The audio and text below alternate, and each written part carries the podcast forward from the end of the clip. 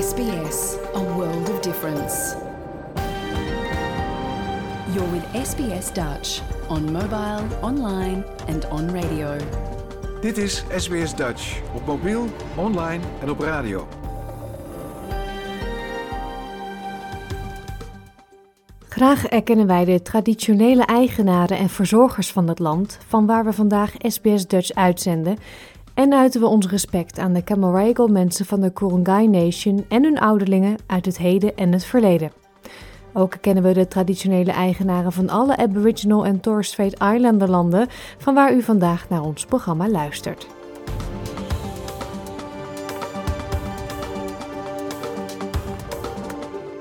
Een hele goede morgen, mijn naam is Paulien Roesink en welkom bij SBS Dutch, het Nederlandstalige radioprogramma van SBS.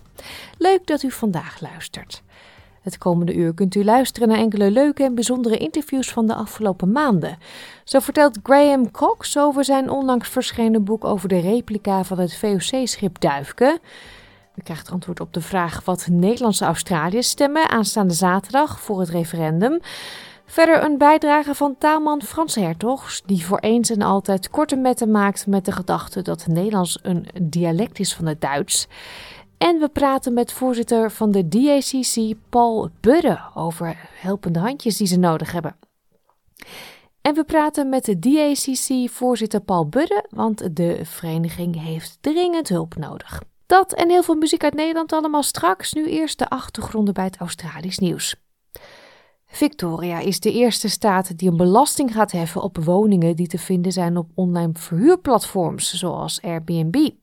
Toenmalig premier Daniel Andrews zei vorige maand dat de heffing van 7,5% zal helpen bij het aanpakken van de huizencrisis in de staat. Ook kondigde hij aan dat de staat in de komende 10 jaar 800.000 nieuwe huizen wil bouwen. Even ter herinnering, dit item is opgenomen toen Daniel Andrews nog de premier van Victoria was. Vandaar dat er wordt gerefereerd aan premier Andrews.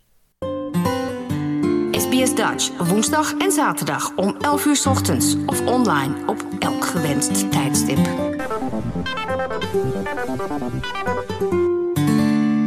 Ga je op vakantie naar Victoria, dan kan het zijn dat er binnen een paar jaar extra kosten aan je Airbnb-boeking zullen worden toegevoegd. De staat gaat een heffing invoeren op woningen die voor kortere periodes worden verhuurd. Vanaf begin januari 2025 krijgen gasten die in dit soort woningen verblijven te maken met een short stay tax van 7,5%.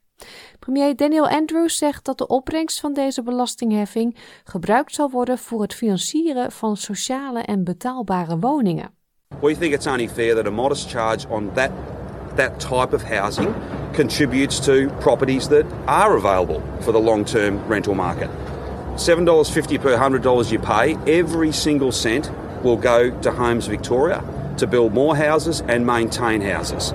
De belasting zal naar verwachting 70 miljoen dollar per jaar opleveren. De overheid hoopt met de invoering ervan het voor verhuurders en investeerders financieel onaantrekkelijk te maken om hun woonruimte niet voor een lange periode te verhuren.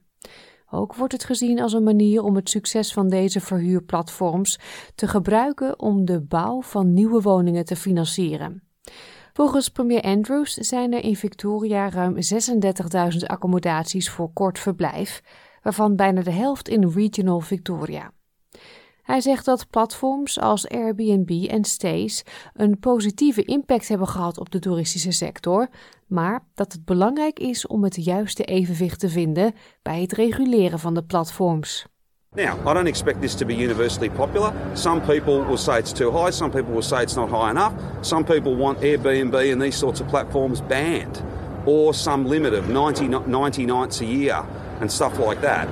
Ultimately, there's a place for short stay. Uh, it, it's, it's very important. Uh, a lot of people use it and like it. Ejam Curry is directeur overheids- en bedrijfszaken bij Stays. Hij beweert dat door zich rechtstreeks te richten op platforms als Stays, de hervorming een maas in de wet opent voor vastgoedeigenaren die, om de heffing te vermijden, hun accommodaties particulier zullen gaan verhuren. To sum it up, it's ill conceived. It's not going to achieve what uh, the government hopes it will because it's targeting only the short term sector and only the platforms on that sector. All that's going to take for people to avoid having to collect and pay this will be to take themselves off platforms. That means that it won't collect any money and the government will have missed an opportunity. Maar de CEO van Victoria's Council to Homeless Persons, Deborah Di Natale, zegt dat de heffing een manier kan zijn voor het vergroten van de sociale woningvoorraad. Ze is van mening dat andere staten en territoria Victoria zouden moeten volgen. We absolutely welcome the levy, which is a very modest levy for people who are staying in short term stays. And we would congratulate the government for taking the lead and encourage every other jurisdiction to follow this particular policy position, which means there is more money for social housing to come to every state. Hoewel deze heffing een eerste is in zijn soort in Australië, is het niet voor het eerst dat het effect van dit soort verhuurplatforms op lokale gemeenschappen ter discussie wordt gesteld. De Byron Shire in de Northern Rivers regio van New South Wales probeert om het aantal dagen dat een accommodatie voor korte tijd verhuurd mag worden terug te brengen van 180 dagen naar 60 per jaar.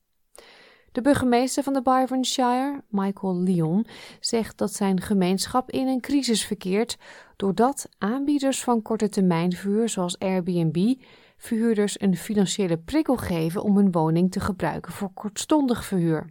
We've been in crisis for over two and a half years now. I mean, we declared a housing emergency back in March 2021, and conditions haven't really eased uh, since. In fact, for a lot of people, it's gotten worse. We have the highest rough sleeping count in the state um, in raw numbers, higher than the city of Sydney um, at the last count. So uh, that's why we need um, a solution that, that has those day caps uh, as well. De Byronshire wacht op goedkeuring van de minister van Planning van New South Wales, Paul Scully. Die zal daar naar verwachting in de komende maanden een definitieve uitspraak over doen. Burgemeester Lyon is blij met de actie van de Victoriaanse regering, maar is van mening dat hiermee een van de kernproblemen van deze platforms niet wordt aangepakt. It doesn't do anything to stop investors buying up properties that, that are long term and, and putting them into short term letting. So, look, I think as as part of a, a broader solution, um, I think it's it's a good move. I like the way that they are uh, ring fencing all of the funding and putting it into social and affordable housing. But for areas certainly like Byronshire, um, it's not going to be enough. It's not going to do anything to um, create a disincentive for investors to buy up properties and put them in, into short term. Premier Andrews heeft ook aangekondigd dat de Victoriaanse regering de komende tien jaar 800.000 nieuwe huizen zal bouwen, met als uiteindelijk doel om tegen 2051 2,2 miljoen nieuwe huizen te hebben gebouwd. Een nieuwe analyse voorspelt dat de bevolking van Victoria in 2051 gegroeid is naar 10,3 miljoen mensen, een stijging van 3,5 miljoen.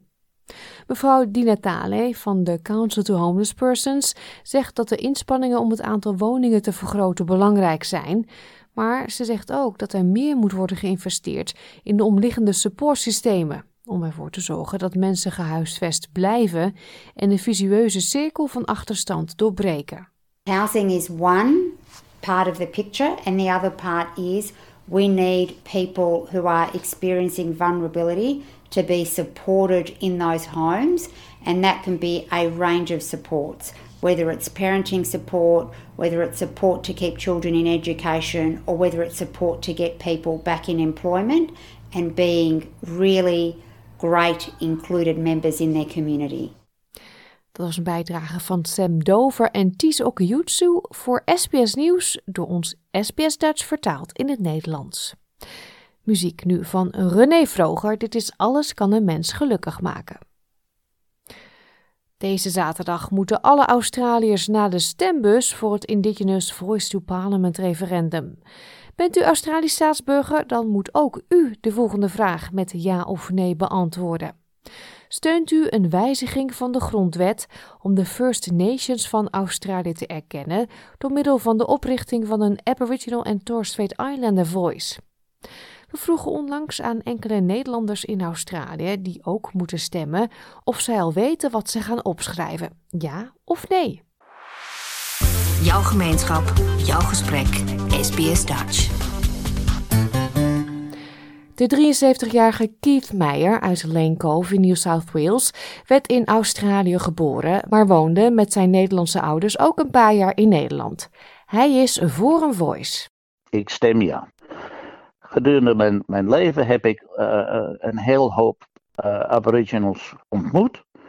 En ik heb ermee samengewerkt. Ik vind ook dat ze het recht hebben om dus de beslissingen die in het parlement gemaakt worden door het gouvernement, dat ze daar een, een kans hebben om ja, een stem bij te hebben. En, en met, met andere woorden, over het uh, woning, uh, zeg maar, uh, de, de gezondheid, qua hun opleiding en zo, moeten ze dus een kans hebben om daar hun ideeën bij te voegen. En zonder dat het, het gewoon maar voor ze gedaan wordt. Zonder dat er overleg is. En zonder dat ze een kans krijgen om hun eigen stem erbij te zetten. Hidde Kroon woont sinds 2017 in Adelaide in South Australia en is nu twee jaar dual citizen. Gaat hij ja of nee op zijn stemformulier schrijven? Uh, en, nou, dat weet ik nog niet. Ik heb um, daar eigenlijk nog geen ja of nee antwoord op. En um, ik, ik vind, ja, er moet wel wat meer, of er moet veel meer uh, voor de Aboriginals vanuit overheid en vanuit de centrale overheid uh, gebeuren. Um, dus eigenlijk zou ik heel gemakkelijk ja kunnen stemmen. Maar ik twijfel heel erg, en dat is dan waarom ik misschien nee zou stemmen, is omdat um, de uitwerking van het plan, kom ik eigenlijk niet goed achter hoe dat dan in de overheid zo'n adviesorgaan uh, zal werken, wie daarin zal komen. Uh, gaat dat ook met stemmen of worden daar mensen voor aangewezen? Um, ja, ik, ik vind het plan eigenlijk niet uitgewerkt genoeg. En um, ik denk als je zo'n moeilijk onderwerp onder de Australiërs uh, voor in de grondwet wil veranderen, dat is zo'n grote stap. Dan moet je ook wel een heel goed doordacht plan hebben waar je op alle vragen antwoorden he hebt. En dat, dat komt er eigenlijk niet. Als ik dan uh, Anthony Albanese hoor, dan, ja, dan, dan, dan zegt hij alleen maar dat het belangrijk is, maar niet hoe dat dan uitgewerkt gaat worden. En um, ja, dat maakt mij erg aan het twijfelen. Dat ik denk, ja, dat ik ga voor iets stemmen wat je eigenlijk niet weet. En dan komt dat tijd bij, bij naar boven, als je het niet zeker weet, dan moet je het niet doen. Um, dus ja, daarom twijfel ik. Ik ben, heel benieuwd of iemand mij kan overhalen om um, wel ja te gaan stemmen. Want ik, vind het echt heel belangrijk. De Aboriginals die, worden niet overduidelijk, maar zeker wel gediscrimineerd en hebben veel minder kansen in Australië, terwijl dat de originele bewoners zijn. Dus dat er iets moet gebeuren, ja, maar of dit dan de manier is, daar twijfel ik erg over. Ook Annemarie Jones uit Gladstone, een klein plaatsje aan de Mid-North Coast in New South Wales, is er nog niet helemaal uit. Ik neig, nou ja, uh, ik heb uh, de, de berichtgeving een beetje waargenomen de afgelopen dagen. Ik heb het leaflet wat aan iedereen is gestuurd behoorlijk grondig bestudeerd. Ik denk dat dit niet de volledige oplossing is. Ik denk dat het niet een makkelijke weg wordt om, om dingen beter te maken. Maar ik denk als we nee zeggen omdat het niet goed genoeg is, dan gebeurt er niks. Um, ik denk dat we beslissingen moeten blijven nemen om in elk geval in beweging te blijven het is voor mij nog steeds onvoorstelbaar dat het nog maar 50 jaar geleden is. Zoiets ongeveer. Misschien zelfs iets langer. Voordat uh, de First Nations people tot de bevolking werden gerekend. Um, ik denk dat we, als, dat we allemaal geboren zijn met een verantwoordelijkheid voor wat er voor ons is gedaan. En de neezeggers van de campagne die, uh, die spreken voornamelijk vanuit een angststandpunt voor het onbekende en dat er betaald moet gaan worden. Um, ik denk dat een, uh, dat een ja-stem een, een positievere uh, manier is om, uh, om verder te gaan. Ellen de Jong uit Wollongong in New South Wales woont al 23 jaar in Australië en is al 18 jaar dual citizen. Ze heeft dus al vaker mogen stemmen, maar dit is haar eerste referendum. Ze hoeft niet lang na te denken over haar stem. ik ga yes schrijven. Ja. Het is een beetje een no-brainer. Uh, ik, um, maar ik ook wel in mijn, uh, mijn werkzaamheden in uh, de, gezondheidszorg. Um, veel verschillende trainingen gehad over inderdaad. Dus ehm, ja, hoe, hoe we met Aboriginal mensen de, de, de cultuurverschillen en eigenlijk ook de, nou ja, hoe ze natuurlijk behandeld zijn de afgelopen 200 jaar. Maar eigenlijk pas heel recentelijk dat dat een beetje veranderd is. Dus dat in de jaren 60 nog steeds zoveel dingen waren die natuurlijk niet, uh, 60, 70, niet, uh, ja, gewoon nu niet meer kunnen. Dus dan zie je gewoon ja, wat ze wat van achterstand ze hebben. Of ja, het zoveel moeilijker is voor hun. Uh, omdat ze gewoon ongelijk werden behandeld. En uh, dus dan de generational trauma, om maar wat Engelse woorden er doorheen te gooien. Um, dus ik vind gewoon, uh, ja, ik vind, we moeten ze gewoon erkennen. Ze hebben een hele mooie cultuur. Ik, ik ben in Northern Territory geweest. En uh, ik heb ook vrienden die van Aboriginal uh, descent zijn. En um, ja, ik vind gewoon dat, ik ze wil steunen. Voor mij is het een, bijna een beetje hetzelfde als de um, marriage equality. Dus hè, van de, voor het homohuwelijk. Dat ik ook zoiets van, nou ja, het zijn allemaal mensen. En we hebben allemaal rechten. En ik wil gewoon dat erkennen. SPS Dutch heeft zijn best gedaan om zowel voor- als tegenstanders van de Voice to Parliament aan het woord te laten.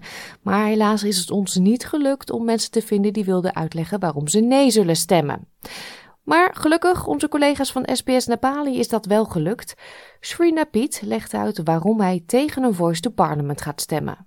My view regarding the Yes No Voice referendum is the voice to Parliament is one of the biggest issue, issues in Australia. I respect that good people with good intention can reach different conclusions. All of us only want the best for our fellow Australians to create a more perfect nation for everyone, regardless of their background or circumstances, and with access to the same opportunities. The only question at hand is the best way to achieve that. This referendum is also our chance to have a say on what our future look like. From my view, it won't deliver better outcomes for Indigenous Australians. However, it will have negative outcomes for all Australians. The Labour Party is using this referendum as a way to gather information on their fellow Australians to build the infrastructure for their next campaign. This voice is legally risky with unknown details and would be permanent. Therefore, I support to know. En dan schaduwminister voor Indigenous Australians, Jacinta Nampijinpa Price. Zij is een van de vooraanstaande tegenstanders van de Voice to Parliament. Division, division, division. That's basically what this referendum is about. It's been this since the beginning. And this is the this is the decision that Australians are going to have to make now on October 14. Ter verduidelijking, de standpunten die u zojuist voorbij heeft horen komen zijn niet representatief voor de gehele Nederlandse community. Meer informatie over de Voice to Parliament referendum vindt u op de SBS Voice portal www.sbs.com.au voicereferendum. Het bestuur van de Dutch Australian Cultural Center is met een gemiddelde leeftijd van 80 jaar zwaar vergrijsd. Om ervoor te zorgen dat de club, die is opgericht in 1983, nog tientallen jaren mee kan, is men dringend op zoek naar nieuwe vrijwilligers. Voorzitter Paul Budde praat ons bij. Helaas was de telefoonlijn niet altijd even helder. We zijn inderdaad op zoek naar mensen die ons willen helpen. En dat kan op verschillende manieren zijn. De Dutch Australia Center bestaat sinds 1983. Is op dat moment met name geïnteresseerd in wat er in New South Wales gebeurt heeft archieven verzameld van clubs en verenigingen en organisaties die in New South Wales opereerden. We zijn een aantal jaren geleden digitaal bezig gegaan. Uh, we zitten nu op de web. We hebben alles bij elkaar, zo'n 3000 mensen die elke maand onze uh, nieuwsbrief krijgen. Dus er is enorm veel interesse in, uh, op de manier waarop we nu de boel opengegooid hebben. en de digitale wereld is daar een fantastische mogelijkheid voor. Uh, dus we zijn weer uh, aan het groeien. Uh, maar we zitten natuurlijk nog steeds met de legacy van, van hoe wij begonnen zijn. En dat is meer de traditionele manier waarop verenigingen begin, zijn begonnen. Ja, en de realiteit is dat dat steeds moeilijker wordt met vrijwilligers. De gemiddelde leeftijd van het bestuur van de DHCC is nou 80 plus. Dus we moeten wat dat betreft reëel zijn en zeggen van nou dat gaat ook niet eindeloos door. Maar we kunnen op een andere manier doen. Dat hoeft niet allemaal meer met die traditionele vergaderingen. We kunnen gewoon uh, online dingen doen per e-mail, uh, Zoom en, en dat soort zaken meer.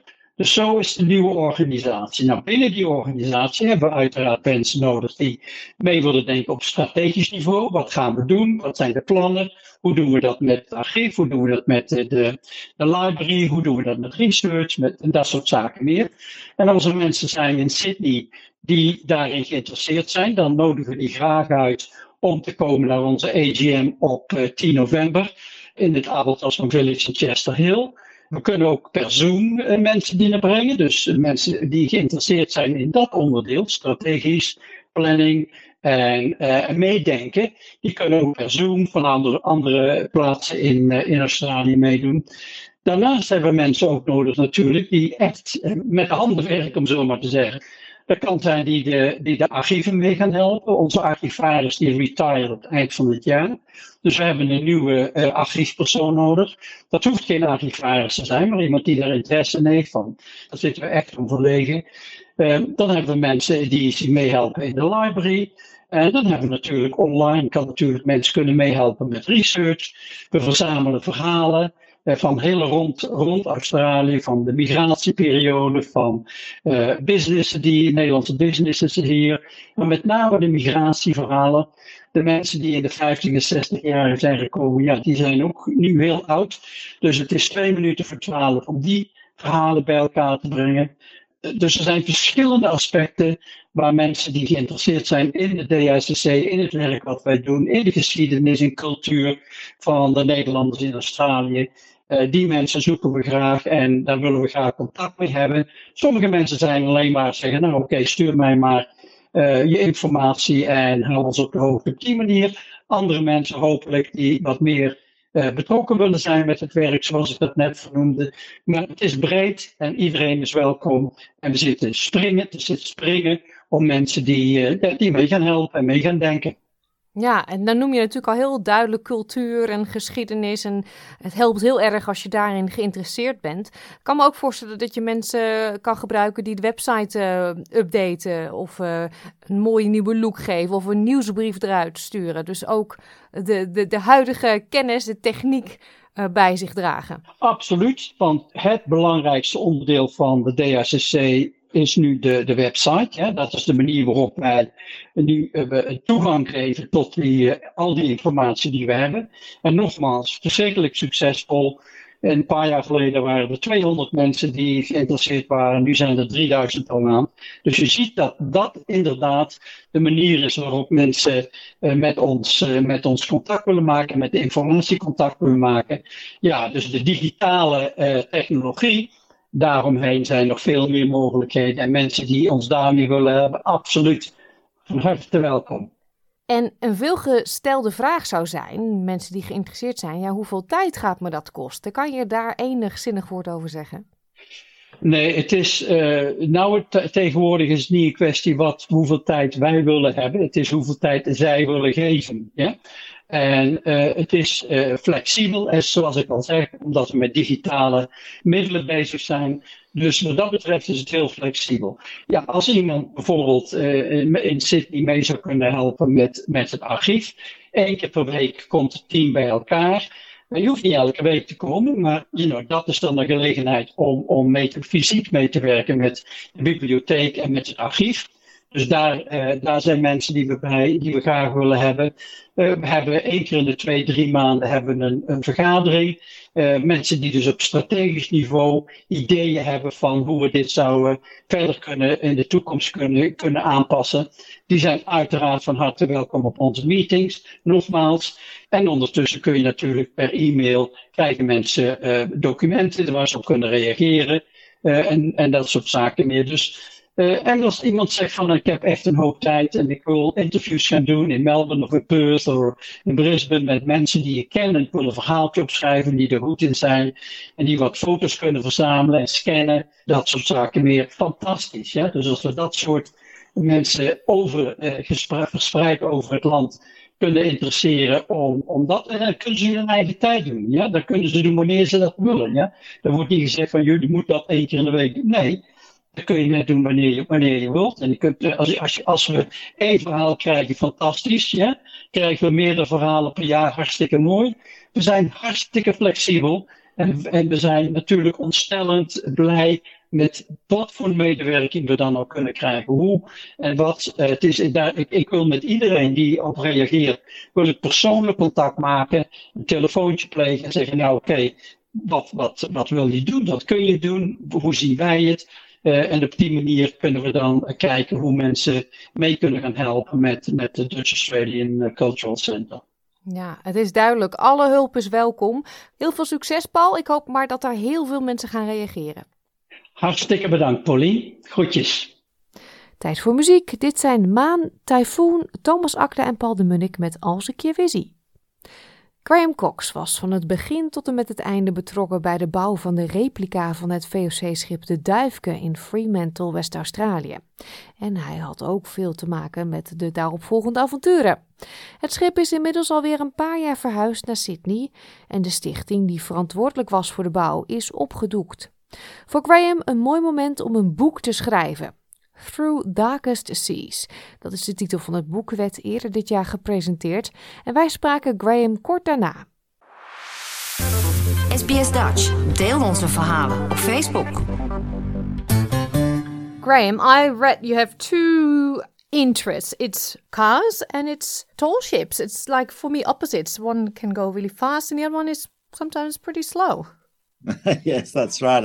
I've always been interested in cars, but um, my passion for the Divkin began back in 1994 when I was on the, the sailing ship Endeavour, the Endeavour replica. And a guy in Fremantle, Michael Young, who was a Dutch immigrant, wrote a letter to the local newspaper. That was in December 1993. And he said, Oh, Endeavour's leaving Fremantle as she was going to Sydney. He said, We should build another ship, and it should be the Divkin. And uh, it was the first ship in Australia's history, and it's a small ship so it should be easy to build. So he, he sent uh, the letter to the newspaper. Andrew Smith, the editor, published it. And then he got, I think, if my memory serves me right, about 40 letters from people saying, Well, we agree with you, we should build this ship. And then a couple of months later, I was on Endeavour with John Longley, who was um, running Endeavour in those days. And I said, What's the story with this fellow Michael Young? Because it was Michael de Jong as his um, his Dutch name. And he said, "Oh yeah, he's really keen. He needs a bit of marketing help. You should give him a ring." So I turned up a few weeks later at uh, Michael and Janine Young's house in Fortescue Street in East Fremantle. Had Dutch cinnamon biscuits and coffee, and there were a group of us, and we decided to build the ship. And uh, so, what's that? Thirty years later, um, I've written a book about it. Yeah, about the whole process of building it and the big voyages it made. Yes, yeah, they're all in there. The whole fundraising process of the of getting enough money to build the ship because she cost four million dollars to build was just a mammoth job in itself, and it involved the the Dutch community in Western Australia. Um, it involved the state government and a lot of people from all over the world, really, to build the ship and that's really it was that um, sort of momentum, I guess, that uh, we formed a group called the Friends of the Divkin, and that was mostly people of um, of Dutch descent in in Western Australia, and it was the momentum that was gained from that group that led to the forming of a foundation or a stichting, as you know, say in Dutch, and that was formed in Fremantle. We had a guy who agreed to be the chairman of the foundation, uh, Michael Kalis, who was a Greek fisherman but uh, had a huge company. And Michael agreed to chair the foundation and uh, went out and uh, fundraised as well and put in a lot of money himself. And in 1995, Prince Willem Alexander of the Netherlands came over and laid the keel Yeah. To make it clear, you don't have any connections with the Netherlands, as in family. No, I could be a de Kock, couldn't I? But I'm a yeah. Cox. Yeah. Uh, maybe I do go back somewhere in the Netherlands. I don't know, but um, but what intrigued you about the uh, Duifken? well, there's a, a a book called as you get in primary school in those days when I went to school called Australia since 1606. It was the textbook for history, Australian history, and and Duifken was the first paragraph of the first chapter.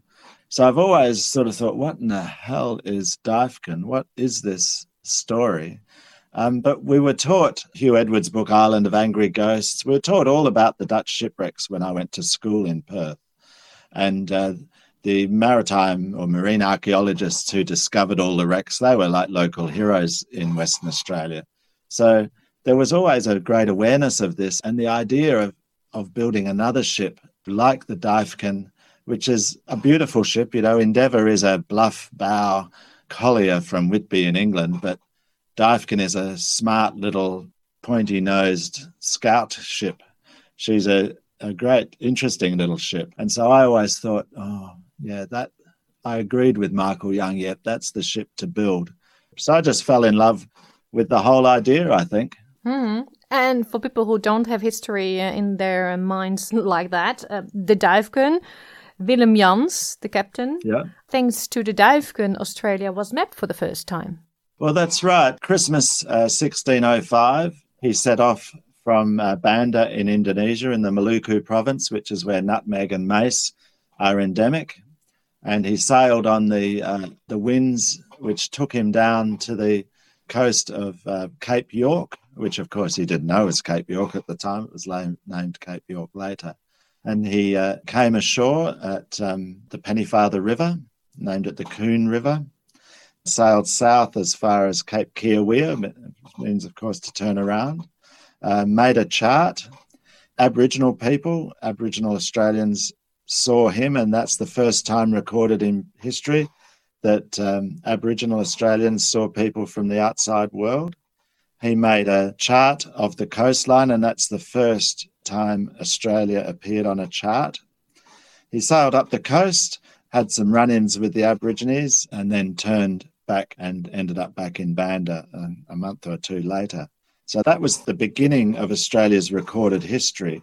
And in the next 164 years, before Lieutenant James Cook sailed up the east coast of Australia, there was something like uh, 46 voyages of exploration to Australia by the Dutch. So Duifken, William Yance, they began the outside world knowledge of Australia. And of course, the people living in Australia already, the Aboriginal people in the Torres Strait Islanders, they knew that Australia was here. So Willem Jans didn't discover Australia, but he explored Australia and he recorded it on a map for the first time. So really, it's the start of Australia's modern history in that sense. Mm, yeah. And you've always been all these years involved with the foundation. We know now that Fremantle has lost the Duifken. The, the ship is now in Sydney. Yes. Um, the foundation no longer exists, I believe. No. But you couldn't let her go. You had to write this book. Yes, there's a few things sort of happened during those dark times of COVID. Michael Young passed away. There were other members of the foundation that were no longer with us. Some people got sick. And I thought with the ship leaving Fremantle, it was just the time to take stock and say what really happened to build Duifken. You know, what the great stories were being lost. And I thought, no, I've been there since day one. I bid farewell to the ship many times, but now she's in Sydney, which is great because she's being looked after over there. But um, I didn't want those stories to be lost. You know, we we went on two great voyages. We went broke four times. I think I was trying to count it up on the night of the book launch, and I think we went broke at least four times when I was running the ship. Um, it's an epic story, the story of the the Duifken replicas. I just wanted to tell the story. I think. Hmm. And what can people read in your book? Well, they they read from that first meeting over coffee and cinnamon biscuits. They read about the bringing together the people, about getting the materials from Latvia. Um, Behind the scenes, actually. yeah, the book is what really happened. There's whatever happens with ships, ships are romantic objects, and people tell stories and they they dream of ships. And uh, to be honest, people make things up. you know, the stories are embellished. And I thought, no, this is what really happened. And I was there, so I know because I was involved in pretty much every aspect of, of Divecon for 20 years. So um, I was the project director of the voyages to Indonesia and the voyage from Sydney to Texel um, and to Amsterdam. Were you on board? No, I wasn't aboard. I I was aboard for little bits. I'm a hopeless, hopeless sailor. Um, so, so they kicked you out. yeah, I was a liability, but I'm very good at organizing things. So I organized the voyages, organized the fundraising. I was in charge of the captain and the ship. Um, they all worked for me. I would uh, go to the ports before the ship arrived, um, welcome the ship to the port, do all of the arrangements, and then when the ship left, I would go and uh, and tie up all the loose ends, which happens when ships leave ports.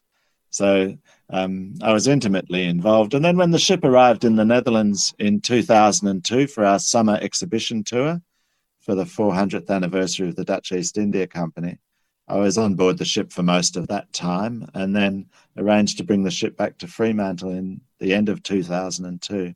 The book is mostly about the building of the ship and those two incredible voyages the one to Indonesia during the, the civil war in Indonesia, which is a miracle, really, that it ever happened. And then the voyage from Sydney, which took a year. So we sailed from Sydney through Torres Strait up to Jakarta, then uh, through Krakatoa, what's left of Krakatoa, out to Sri Lanka, to Galle in southern Sri Lanka, then down to Rodrigues Island and Mauritius, down to Cape Town, basically following the Brouwer route, which all of the ships followed back in uh, VOC times, and then up through the Atlantic to uh, the Azores, and then from the Azores for the short hop, which ended up not being a short hop, to the Netherlands. We found that the voyages of 400 years ago were tough, and it was pretty tough for our modern crew to survive on the ship for maybe 50 days at sea, with um, you know living 18 people living on a ship, you know, the size of a two car garage. And having technology, knowing about the weather, etc. Yes, well, we understood the way the, the Dutch navigators would see seaweed, they'd see seabirds, they'd take soundings to, to see the colour of the ocean floor, all of those sort of things that they did to find their way across the oceans. Um, Way more connected to the nature. Eh? Yeah, they were. They were totally connected, and um, they would know if they if they got some mud on the on the sounding rock that they put overboard and pulled it up and it was muddy, they knew that well that probably means that we're if we sail somewhere there's a river nearby because the mud comes out of rivers. If there's um, you know seaweed floating, then that means maybe you're near reefs or something. You know, there was all sorts of things that they understood, and the and the direction of the winds and the change in in wind pressure, you know, or air pressure. They understood all of those things. They were totally in tune because it meant survival. And we came to understand those elements and the fact that the Divecon only has a small freezer and that fresh food runs out after about four days. And from then on, you're surviving on tins and dried food. And so the voyages were tough on the crews. You know, it wasn't like a modern um, luxury liner where you could have lobster every night. no, not at all. you had your book launched uh, on Sunday. Yes. How did people respond to the book?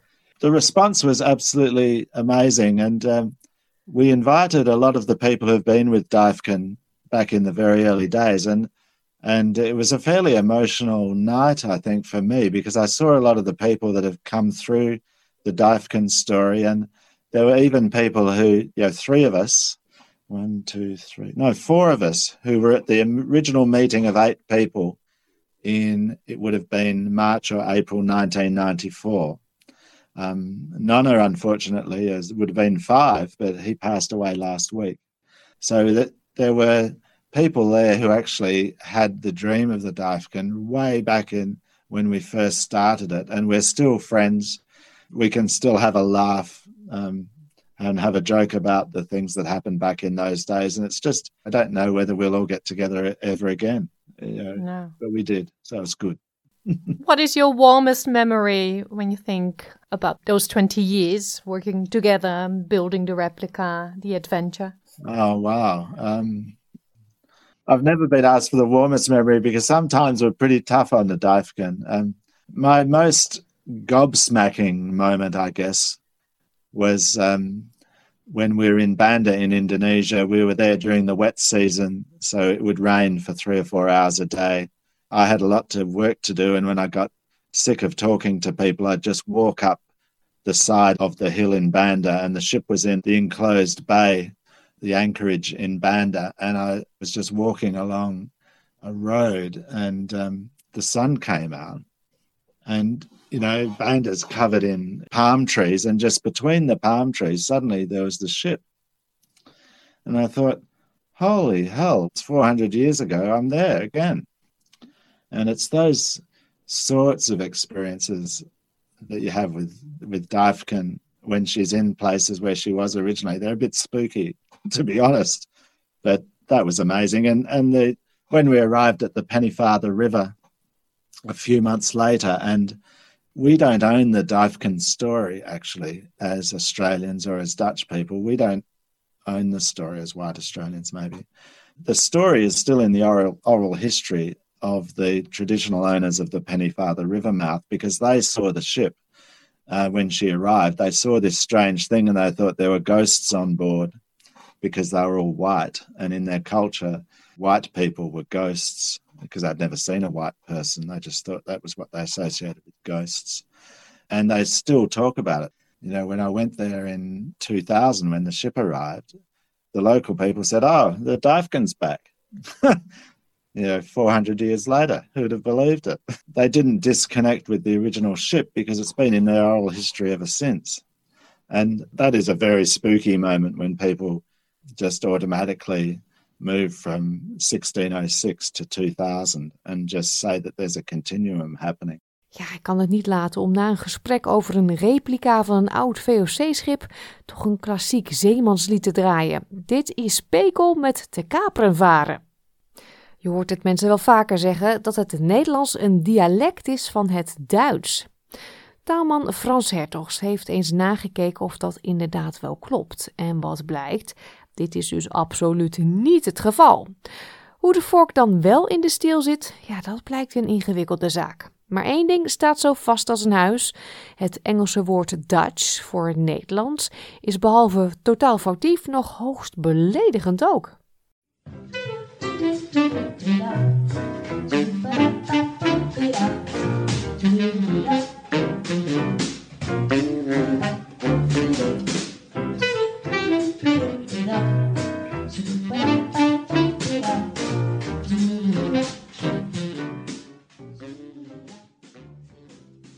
Dutch, Duits of Diets.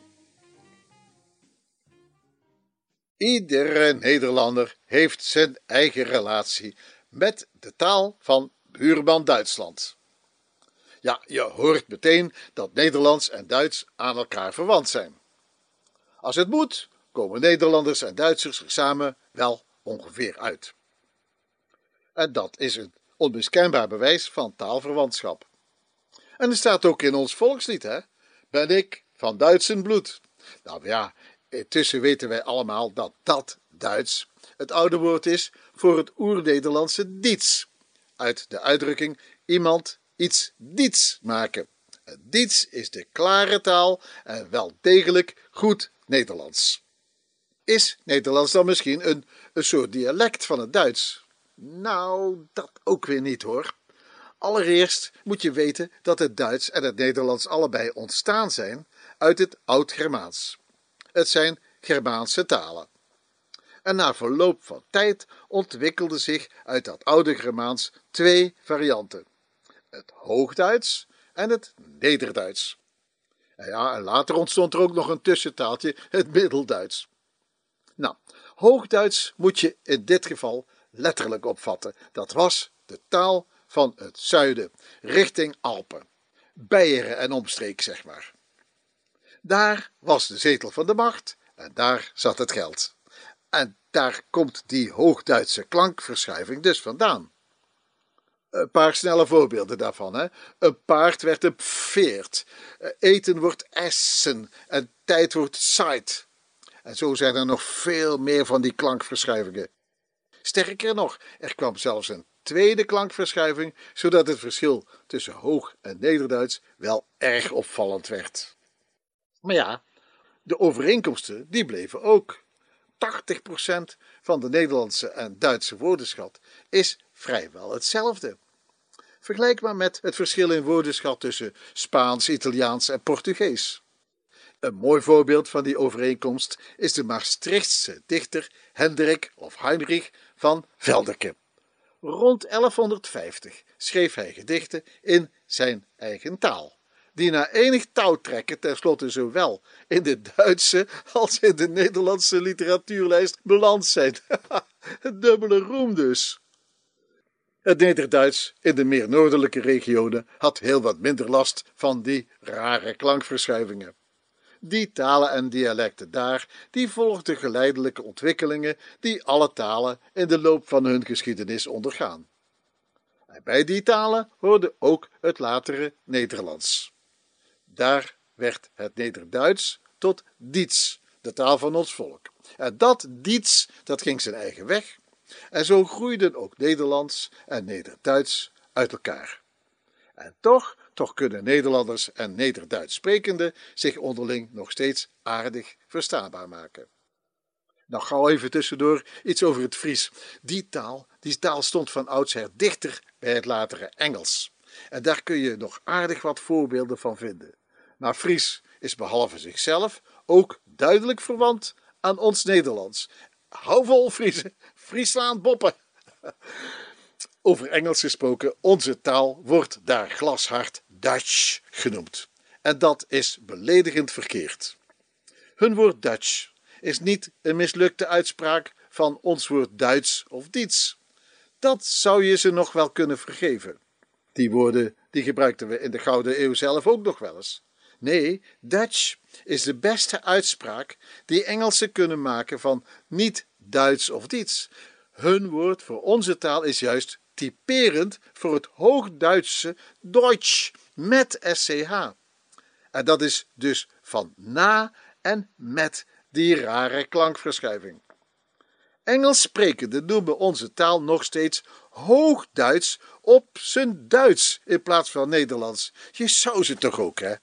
Van je dure buren moet je het maar hebben. De officiële taal in Duitsland is Hoogduits. Dat heeft met zijn soms hele rare geluiden en andere eigenaardigheden het Nederduits overwonnen. Maar veel oergermaanse eigenschappen bleven gewoon bestaan. Het Nederlands ging zijn eigen weg. En zo, zo krummelt het Duits nog steeds met die ingewikkelde naamvallen der, des, deem, den, met ook nog andere uitgangen, die wij vroeger ook hadden. Nou, die zijn in het Nederlands gelukkig afgestorven. En zo zijn er nog veel meer eigenaardigheden waar je altijd over struikelt als je jouw beetje potjes Duits probeert te gelden te maken. Zoals met die fietsen van na de oorlog, weet je wel, toen iedereen riep: hey, eerst mijn fiets terug. Maar die konden ze niet teruggeven. Ze hadden wel gezocht hoor, maar ze vonden alleen maar vaarreder. nou ja, welke taal, welke taal is het moeilijkste om te leren? Nederlands of Duits? Ik vond op het internet een aardige lezing over de moeilijkheidsgraad van beide talen. En wat dacht je? Het Nederlands is veel simpeler en veel meer logisch. Nou ja, natuurlijk wist je dat eigenlijk al lang. Het Nederlands houdt ook niet van moeilijk doen. Het is de taal van kooplui en onderhandelaars, van paarse kabinetten en van een leven en laten leven. Ofwel korter de bocht zou ik dit staaltje zo willen samenvatten. Dutch, not nice very much. Duits heeft iets luids en Nederlands iets charmants. ik dank u wel. Tot zover deze aflevering van SBS Duits. Wilt u onze verhalen nog een keer beluisteren? Ga dan naar onze website www.sbs.com.au/dutch. Of u kunt de gratis SBS audio app downloaden. Dit kan in Google Play of de App Store. We zijn ook op Facebook te volgen. Zoek op SBS Dutch of ga naar www.facebook.com Dutch. Like, reageer en blijf op de hoogte van ons programma. We sluiten vandaag af met muziek van BZN. Dit is Mon Amour. Ik wens u een heel fijne middag. Graag tot de volgende keer. Like, deel, geef je reactie. Volg SBS Dutch op Facebook.